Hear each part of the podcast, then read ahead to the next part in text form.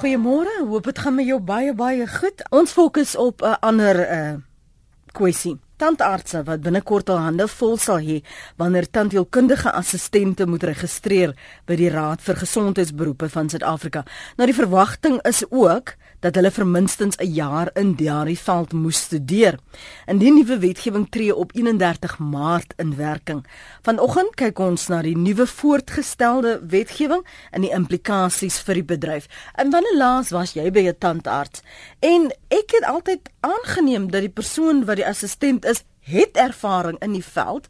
Um en nou dat ek hoor hulle moet geregistreer wees en dat hulle minstens in die veld moet studeer, skep die indruk dat daar dalk ander was wat net uit gewoonte um die tandarts bygestaan het. Ons gas vanoggend is Marita Smit. Sy is die hoofuitvoerende beampte vir die Suid-Afrikaanse Tandheelkundige Vereniging. Marita, dankie dat jy ingekom het môre. Môre net lekker om by julle koffie te drink vanoggend. Is ons verkeerd? Want ons het die aanname gehad dat almal wat haar assistent is um, en hierdie prosedures gaan vertroud is ken weet wat hulle doen. Jy is beslis nie verkeerd nie. Da um, almal wat assistente was in tandheelkundige praktyke het wel die ervaring. Die kwessie is waar hulle die opleiding gekry het om daardie ervaring te kry. Die tandarts as klinikus binne sy praktyk is verantwoordelik vir alles wat gebeur in daardie praktyk en um, hy of sy het seker gemaak oor baie baie jare heen dat die opleiding wat gebeur vir sy assistent is iets wat as deel van 'n diensopleiding gebeur. Ehm um, die verhouding tussen 'n tandarts en sy assistent is 'n baie nou verhouding. Dit is iets wat ehm um, hulle moet mekaar ontsettend goed verstaan en dit is hoekom die beste manier van daai opleiding te kry is wanneer jy fisies werk met die persoon met wie jy toenemend gaan werk in jou in die in die bedryf. So wanneer daardie keuring in die verlede plaasgevind het, ehm um, hoe uh, hoe is daardie werwing gedoen? Nee, daar daar was geen keuring in die verlede gewees nie. Ehm um, die rol van die tandheelkundige assistent en ek dink ek gaan maar verwys na 'n stoelassistent, is bietjie makliker okay, om te sê. Dan weet ons ook van wie jy praat ja. as 'n klinikus. Die die die rol van die stoelassistent is primêr om seker te maak ons ons weet ons is almal bang as ons dan as toe gaan ek is nie 'n tandarts so ek is net so bang. maar ehm um, die rol van daardie van daardie assistent is om seker te maak dat die pasiënt gemaklik is, rustig is, um, om seker te maak dat die instrumente gesteriliseer is, dat infeksiekontrole toegepas word, um, om die instrumente soos wat die prosedure aangaan na die instrumente te handig vir die tandarts, um, en en te help. Ons noem dit vierhand tandheelkunde om die tandarts basies by te staan sodat hy alles naby hom het wanneer daardie prosedure moet gebeur hulle doen ook die suig uit die van die, mm. van die spoeg en die en die ehm um, water uit die mond uit ensovoorts. So dit is dis die rol van die assistent. Die assistent is nie 'n klinikus nie. Werk nooit op die pasiënt nie, gee nie inspuitings nie, doen nie diagnoses nie ensovoorts nie. So in daardie konteks was dit nooit nodig geweest dat daar werwing of keuring gebeur nie. En ons sien in baie areas van die land, veral as mens kyk na jou meer plattelandse areas, ehm um, dat jy werk met ehm um, persone wat nou net uit skool uit gekom het hmm. wat sê ek ek weet nie presies wat ek nog wil doen met my loopbaan nie. Ehm um, daar is 'n pos beskikbaar by, by die tandarts. Kom ek gaan werk by die tandarts en die tandarts leer my en ek doen wat nodig is om om hom te help. Wat wat het nou dan die verandering genootsaak? Hierdie verandering kom al baie jare. So ek wil nou nie um, die indruk skep dat dit op ons gespring is hmm. nie. Dit is iets wat regtig al baie baie jare kom en en dit moet ek sê ehm um, is is nie iets wat ons um, ligtelik opgevat het oor die baie jare nie. Soos wat ons dit verstaan, is daar 'n groep assistente wat in die publieke sektor diens gelewer het. En in die publieke sektor is omtrent 20% van die totale hoeveelheid van tandheelkunde wat in die land gebeur. So in daardie sektor doen hulle soos wat ek dit verstaan meer werk en en van hulle bestuur klinieke ensovoorts. So daar was 'n behoefte vir hulle om 'n meer gereguleerde omgewing te hê. Hmm. Ehm mm. um, tesame daarmee kom daar ook dan die ding van van vergoeding want sodra daar 'n professie 'n registrasie as 'n professie is, dan beteken dit dat hulle ehm um, te kan staan om om voordeel te trek uit wat hulle noem occupation specific dispensation OSD. Ehm um, wat wat beteken hulle vergoeding is beter. So daar was 'n lobbygroep gewees um, uit die publieke sektor uit wat wat vir die Raad op Gesondheidsberoepe gaan sê ons glo ons behoort geregistreer te word. Ehm um, en en en van daar af het die proses begin. Ehm um, en daar is mettertyd verskillende regulasies opgestel rondom die ehm um, regulering van hierdie beroep. Ehm um, en natuurlik omdat omdat dit uit die publieke sektor uitgekom het en die regulasie daarso noodsaaklik was, het dit nou ook 'n impak op die privaat sektor, ehm um, waar 80% van die van die bedryf sit. Mm. So jy sê julle was al lank genoeg daarvan bewus, ehm um, het, het ehm um, Klini sê dan nou begin dit implementeer, seker gemaak dat die persone wat hulle wel toe mettertyd aanstel, weet nou die veranderinge kom dat hulle tog 'n agtergrond het. Wel om 'n agtergrond te hê, moet daar opleiding wees. Ehm mm. um, met ander woorde As daar dan nou 'n pos beskikbaar is by 'n tandarts, was die verwagting gewees dat daardie tandarts adverteer um, en iemand aanstel wat die opleiding gehad het. Probleem waarmee ons sit is dat daar net 4 instituie in die land is wat die opleiding verskaf en hulle kan maar rondom 200 mense per jaar kwalifiseer. So as ons sit met 'n tekort van omtrent 2000 in die land. Hulle ek sies tog net teruggaan. Ja. Hulle kan net so 200 kwalifiseer per jaar. En dit is die probleem. So selfs al sê ons ons wil graag dit is dit is almal ek meen Die rede hoekom ons sit waar ons sit is omdat ons as as die tandheelkundige vereniging aan die beginjare van hierdie hele proses, omdat ons nie geweet het prakties hoe dit gaan uitwerk nie, mm. het ons nie aktief gaan militant opstaan en sê ons wil nie die regulasies hê nie. Ons het niks teen die professionele ontwikkeling van enige groep mense nie. Ehm um, So nou dat die regulasies in plek is en ons verstaan presies wat die praktiese implikasies is, nou is ons bekommerd want um, ons kan fisies nie die mense kry wat moet aangestel word in die praktyke nie. Mm. Die luisteraar sê ek kan nie tandarts doen nie, ek stuur sommer my tande in 'n koevert na hom toe. Dankie vir daardie ligpunt. Ons praat ver oggend oor die die voorgestelde wetgewing en die implikasies wat dit het op die tandheelkundige bedryf, uh, veral wat uh, die assistente, die stoelassistente om dit nou makliker te maak betref. Um, een van die regulasies is dat hulle ten minste vir 'n jaar in die veld moet studeer. Um, maar soos jy nou hoor die die die die uitdaging is as daar net 4 instansies is waar jy opleiding kan kry en ons kan net 200 akkommodeer terwyl die behoefte 2000 plus is dan is mense duidelik in die versoeking Marita ja. om dan maar nou ongeregistreerd en ongekwalifiseerd te gaan werk. Ja. Ja, en ek dink dit is dis waar ons bekommernis lê want ons wil regtig waar graag hê nou dat ons weet presies waar ons staan in terme van die wetgewing, wil ons regtig vir ons lede as die tandheelkundige vereniging ehm um, help om te kan comply, wat ja. is die woord tog in Afrikaans om, om te kan voldoen aan daardie wetgewing. So, ehm um, en dit is waar ons nou regtig 'n beroep doen op die Raad vir ehm um, Gesondheidsberoepe dat ons met hulle kan praat om te sien is daar nie 'n manier waarop ons 'n meganisme kan kry ehm um, wat ons die wat ons hele omgewing net kan bietjie makliker maak.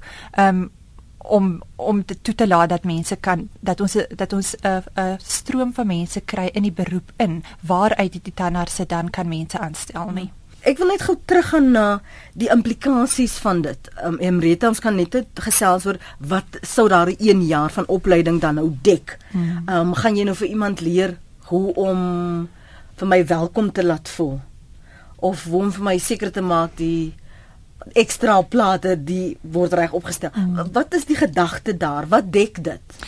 Ehm um, die kurrikulum op die oomblik dek uh, die teoretiese komponent van tandheelkunde. So dit is watter instrumente is beskikbaar, ehm um, watter instrumente word vir watter prosedures gebruik.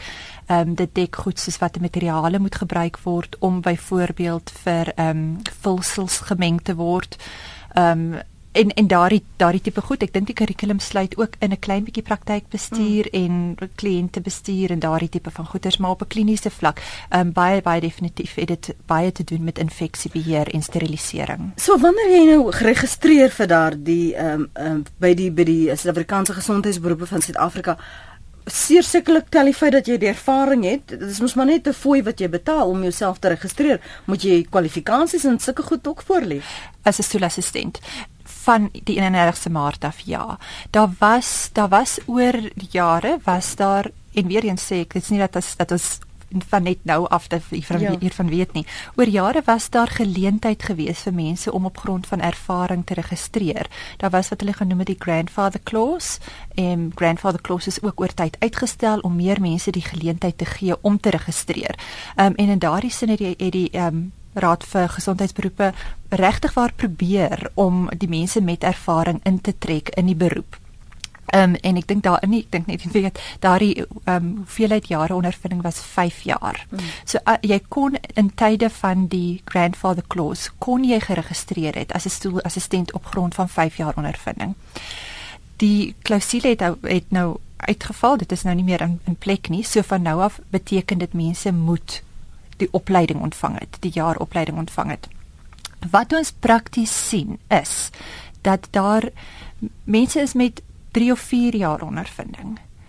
Ehm um, en nou besluit hulle nee, dit is nie dis nie wat hulle wil doen lanktermyn vir hulle vir hulle loopbaan nie. Mm -hmm. Nou kry jy iemand nuut in. Daar is eerstens iemand wat gekwalifiseer is nie en tweedens is die grandfather clause nie meer in plek dat jy kan sê asseblief bly net 5 jaar dat ek vir jou kan registreer nie. So, van die bietjie 200 moet jy nou iemand kry. So jy moet nou van die 200 moet jy nou omtrent 2000 plekke in Suid-Afrika kan vul.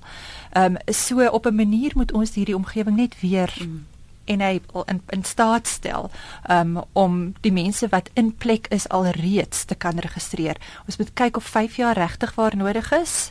Ehm um, omdat ons sien dat die die rotasie uit die beroep uit veral op jou klein plekke is baie keer mm. korter as 5 jaar. Maar maar waarom nie ook 'n uh, recognition of prior learning nie? Dat hoekom kan dit nie deel uh, as wees van haar aansoek nie dat dit geerken ge word dat die persoon werk nog 4, 5 jaar en en laat ek dan 'n toets aflê soos wanneer 'n dokter na Suid-Afrika toe kom en sê goed, ek wil die omgewing en toets my dan. Baie beslis en ek dink dit is ook een van die opsies waarna ons moet kyk wanneer ons hopelik in gesprek kan tree met die met die raad.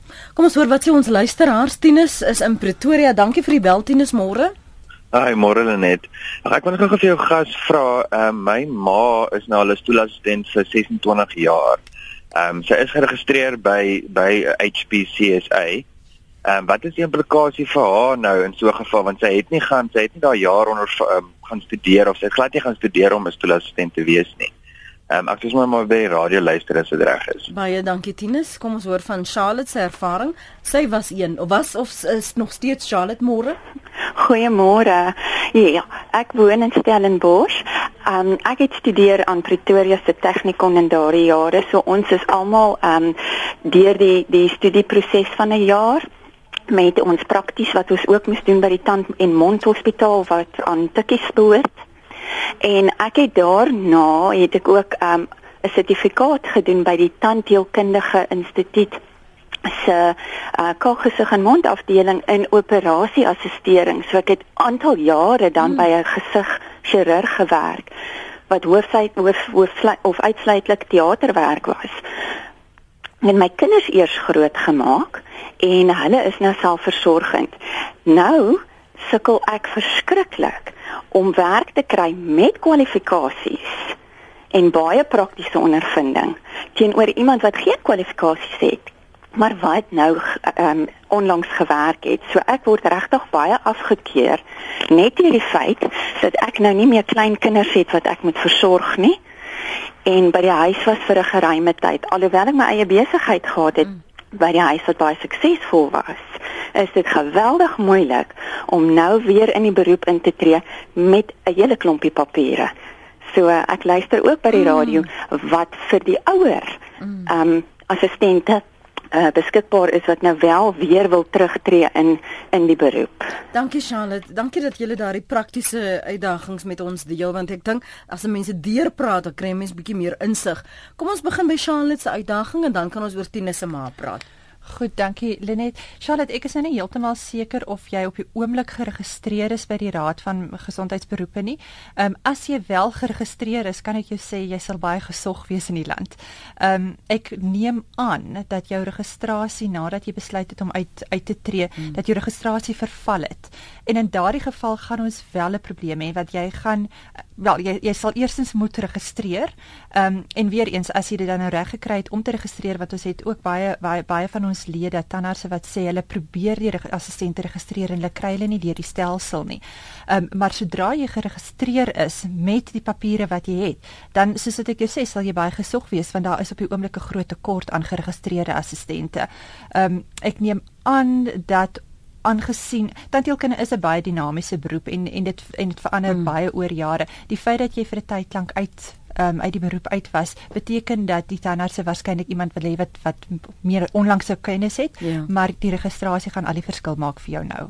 En Tina se ma, dit lyk asof sy ma nog steeds werk. Dit lyk asof sy werk, dit lyk asof sy geregistreer is en in daardie opsig sal sal die um, nuwe sal, sal die wetgewing haar glad nie beïnvloed mm. nie. Sy moet net asseblief tog nie haar registrasie laat verval nie. Ja. En en wat as sy byvoorbeeld ehm, 'n um, sabbatsjaar op hierdie ouderdom wil hê? Ehm um, solank sy net geregistreer is, dan is dit sy voldoende. moet geregistreer bly. Ja, sy moet 100%. Ek lees vir jou 'n paar van ons luisteraars se terugvoer. Anthea Lawrence, ek hoop ek spreek jou van korrekheid. Ek was 'n tandarts assistent met 15 jaar maar ondervinding. Ek was by HPC as die gesondheidsberoepe geregistreer daar was 'n probleem met my betaling aan hulle kant. Na 'n jaar se gesukkel het hulle my van die rol verwyder, R6500 beboet en as dit ek dit sou betaal môre is ek weer 'n uh, maar lank supervised werk voor ek weer kom registreer.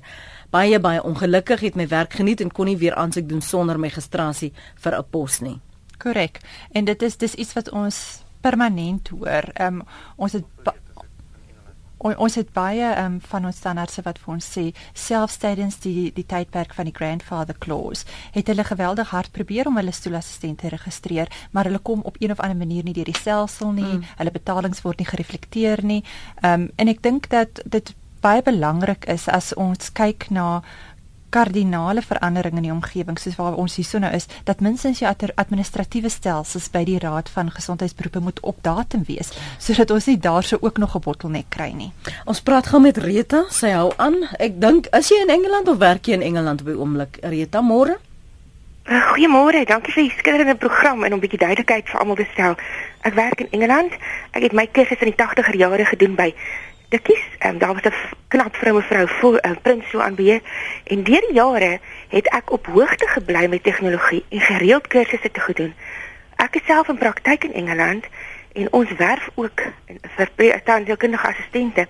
En die assistente wat nie op datum gebly het nie, het geweldig agter geraak ongeag hulle kwalifikasies.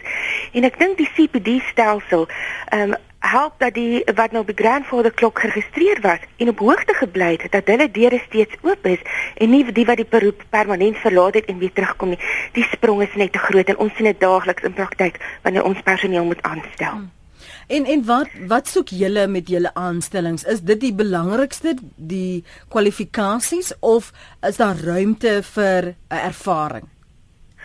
Geweldige ruimte vir ervaring. Ons het reeds vandag onderhoude finale aan on, onderhoude finale keringprosesse waar die dames of die mans almal is nou welkom um, met ondervinding en wat se CPD's op datum is by verre 'n groter aanslag het as die wat kwalifikasies het en nie op datum gebly het nie. En ons ook doen ook hierso in diensopleiding waar die kriteria baie streng is en dit help ook geweldig om nie daardie um, Exodus in tandheelkunde te gepromoveer het nie en dit het baie meer stabiliteit ge, uh, ge, ge bevestig. Kan ek so dit is iets wat wat wat werklik kan oorweeg. Dit is baie goeie ehm um, tegniek. Rita is die die ver, um, verwagtinge um, en vereistes vir poste daar uh, vir as 'n stoelassistent anders as hier in Suid-Afrika?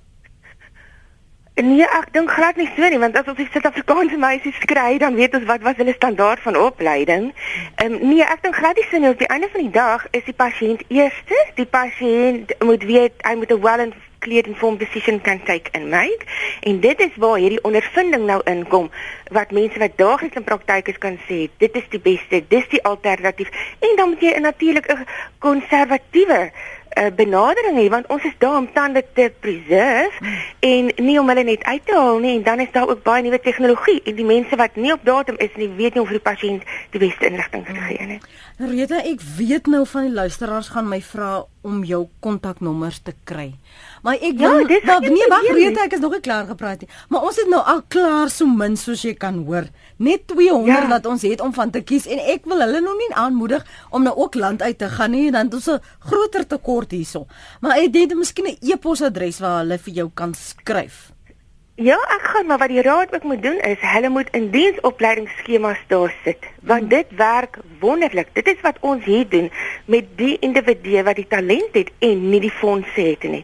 En so hulle werk vir 'n laer um, minimum of 'n loonsalaris en die werkgewer stuur hulle ook so of help hulle en dis is 'n beurs net intern.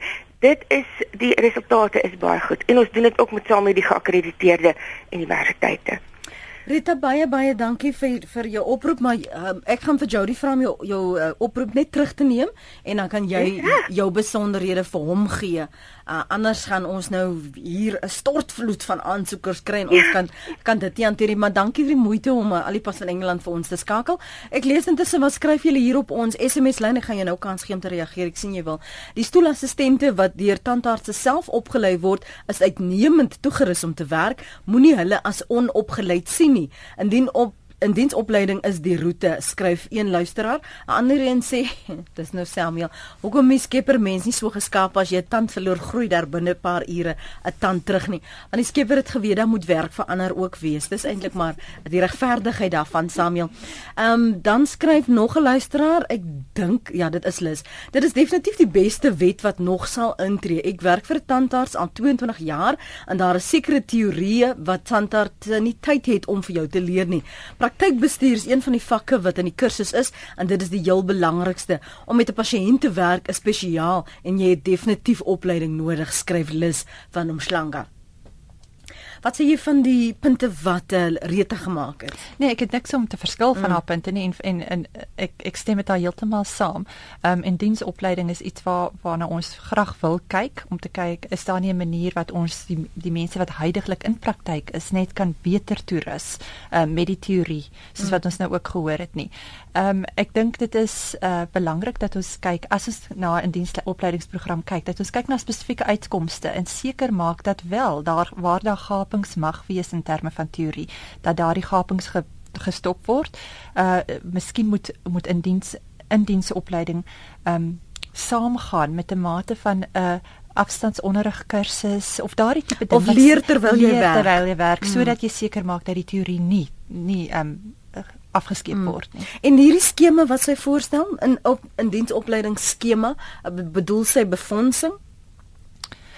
Dit klink vir my asof sy of- asof sy kyk na befondsing, 'n laer salaris, ehm um, wat dan beteken dat jou soos wat ek dit sou verstaan is dat jou tandarts se geakkrediteer is om daardie opleiding te gee Self te en om seker te maak dat die sekere uitkomste afgeteken word Mm. in terme van daardie indiensopleiding. Ehm um, so in terme daarvan sal die ta- die tandarts dan in kontrak tree met wie die reguleerder ook is. Hier is 'n kommentaar van 'n luisteraar wat sê hier gaan nou weer 'n hengselot mense sonder werk sit en 'n klomp tandartse sonder assistente. Flip is uh, op die lyn. Flip, wat is jou bydrae? Goeiemôre. Uh, Goeiemôre Lenet en Marita. Ag, ek wil net graag 'n bydrae lewer. Die uh is 'n nedelike kwessie in verband met die stoelassistente. Ons het aansoek gedoen by die Health Professional Council vir ons assistente. Die proses het ons egter gefaal. Ons het ons geld oorbetaal en ons het niks verder van hulle gehoor nie. Ehm um, ek het 'n assistent wat al 15 jaar by my werk met baie ondervinding. Ehm um, sy het nie die onnodige fondse om te spandeer op herregistrasie elke jaar nie, so ons het die eerste geld verloor. Uh die tweede puntjie, ek voel dit is 'n eens, eensydige verandering in die wet sonder dat daar gelet is op die konsultasieproses met tandartse. Ehm um, waar ons geensins dan op die einde 'n rol kon speel daarin nie. Die derde puntjie vinnig is net ehm um, ek voel ook dis onregverdig om van die tandarts te verwag om die assistent te registreer om die, uh, omdat die assistente soms swerf en ehm um, dit is 'n punt wat ou ongelukkig uh voel op die oomblik van die tandarts se kant af. So uh en dan laaste puntjie net vinnig uh die wet moet getoets word in die hof verder want ek glo omdat dit 'n eensydige verandering is en ons assistente ons hulle nie kan afdankie want ons dan weer teen die wet gaan wees en omdat daar 'n geweldige tekort is so dis fisies menslik onmoontlik uh om die poste te vul. Uh dink ek die wet uh, gaan op 'n stadium platval. Baie dankie vir die vir die uh, bydrae ek leer ek luister graag. Baie dankie, George. Ekskuus, dis flip, dis flip op George. Dis flip Jammer, op George. Ek hoop ja. flip flip flip op George is een van ons ons lede hooplik. Ehm um, in watter geval hy van van ons kommunikasie in hierdie verband sou gekry het. Ehm um, hy praat van van vier goed dat ek begin met die administratiewe probleme en ek het voorheen daaraan ge, uh, daaraan geraak daar is 'n administratiewe probleem by die by die raad. Ehm um, en ek dink dit is baie belangrik dat hulle kyk daarna want ons het baie van ons lede wat na ons toe kom en sê ek probeer my assistent registreer. Ehm um, maar en ek betaal gelde oor, maar hulle kom net nie deur die stelsel daarso nie. Dit is van kardinale belang dat daardie administratiewe blok uitgesorteer mm. word want anders het ons met selfs 'n groter probleem as wat ons uit op die oomblik sit. Ek dink ek wil daarso wil ek dan raak aan sy laaste punt of of of die eh, tweede laaste punt waar hy sê Ek dink dis onregverdig dat die tandarts die verantwoordelikheid uit het om dit te doen. Ehm um, en daar's 'n tegnies flip het die tandarts nie die verantwoordelikheid nie. Dit is nie vir die tandarts om die assistente te registreer nie. Dit is nou die assistente se verantwoordelikheid. Dit is net so goed soos jy kwalifiseer as 'n tandarts. Niemand anders gaan die verantwoordelikheid vat om vir jou te registreer nie. So in daardie geval is dit nou die assistent se verantwoordelikheid. Prakties weet ons dit werk nie. Hmm. Prakties weet ons dat ons tandarts regtig waar graag uit hulle pad uit wil gaan om te help om om om om te voldoen aan die wetgewing. Ehm um, en baie dikwels vat hulle die verantwoordelikheid op hulle en die stres en al daardie goed op hulle om om dit gedoen te kry en ek verstaan dit ook omdat hulle op die einde van die dag geaffekteer word ja. daardeur.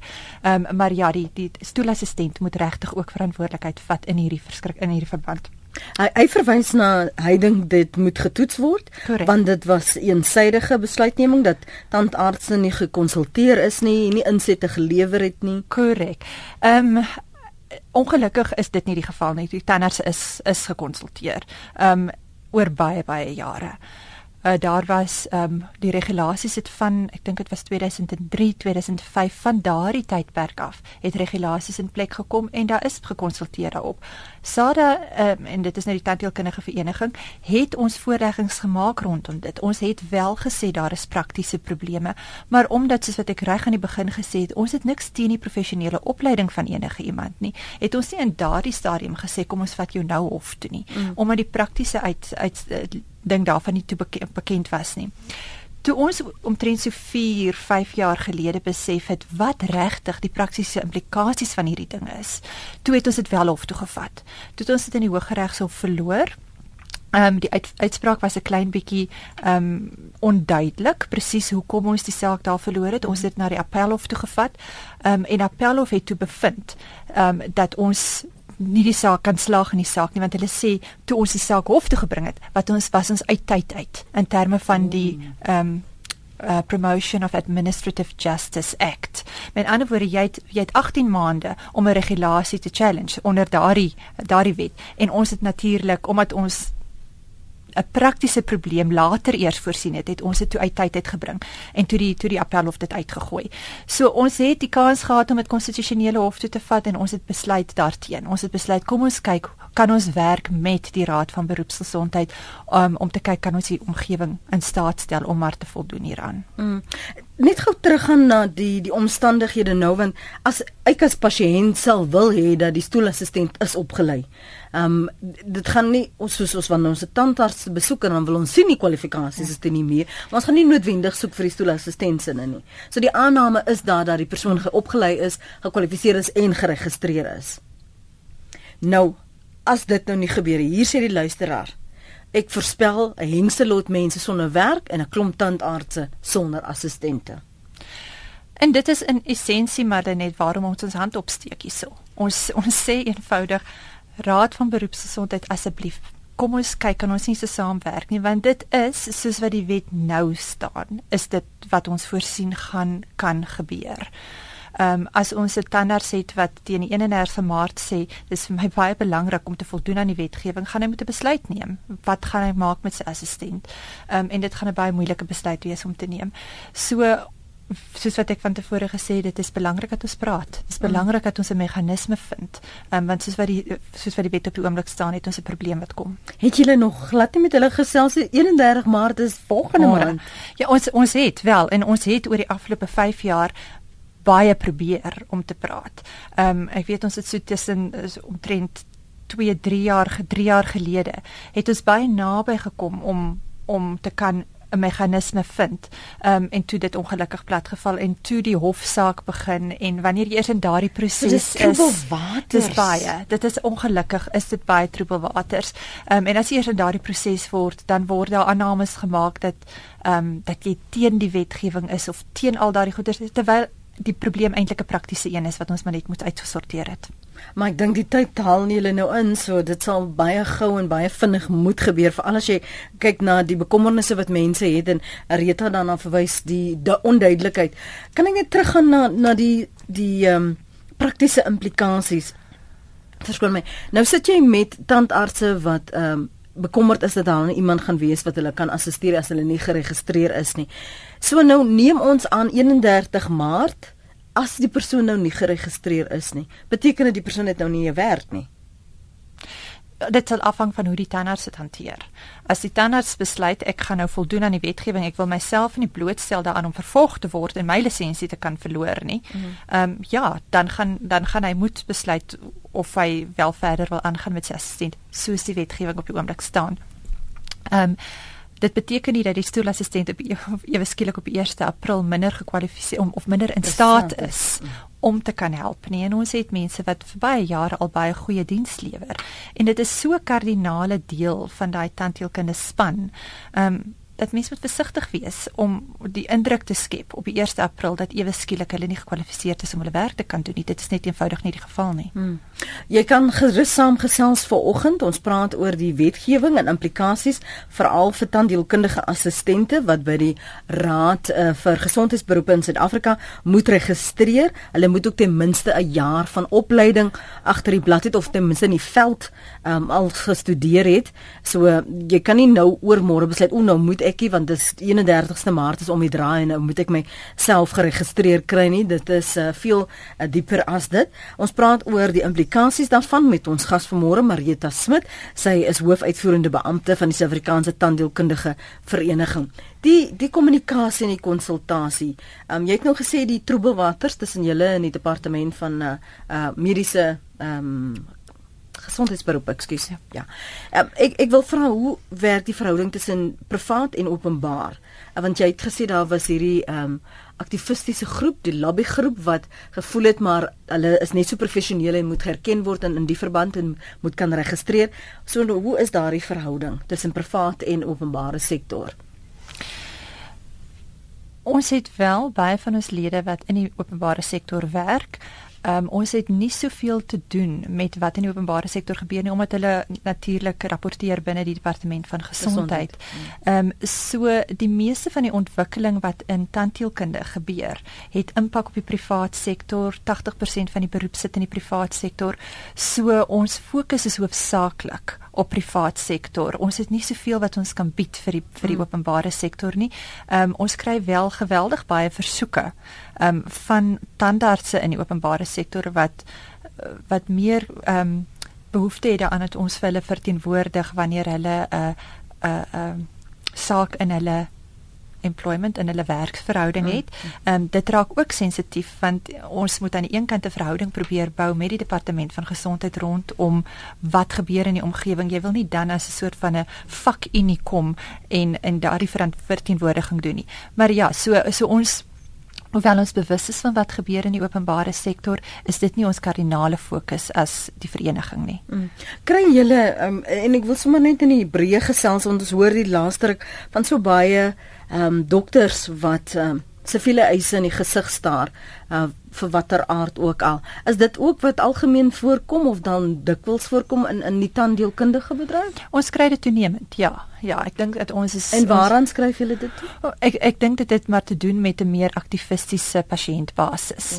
Ehm um, tandheelkunde ook baie baie dikwels het 'n meer estetiese komponent daartoe. Ehm um, en dan is daar nie net pynverligting en daardie tipe goed goed verwag word nie as daar estetiese uitkomste verwag word, dan is mense nie noodwendig altyd gelukkig daarmee dat hulle nou nie heeltemal soos Pamela Anderson lyk nie ensovoorts. So daardie tipe van goed kry ons wel dat daar toenemend aktivisme is rondom ehm um, rondom uitkomste in tandheelkunde. Nie om te sê dat daar nie wel foute gemaak word nie daar word verseker enige beroep sal seker hier en daar 'n fout maak maar ehm um, ek dink dit het hoofsaaklik te doen met pasiëntaktivisme.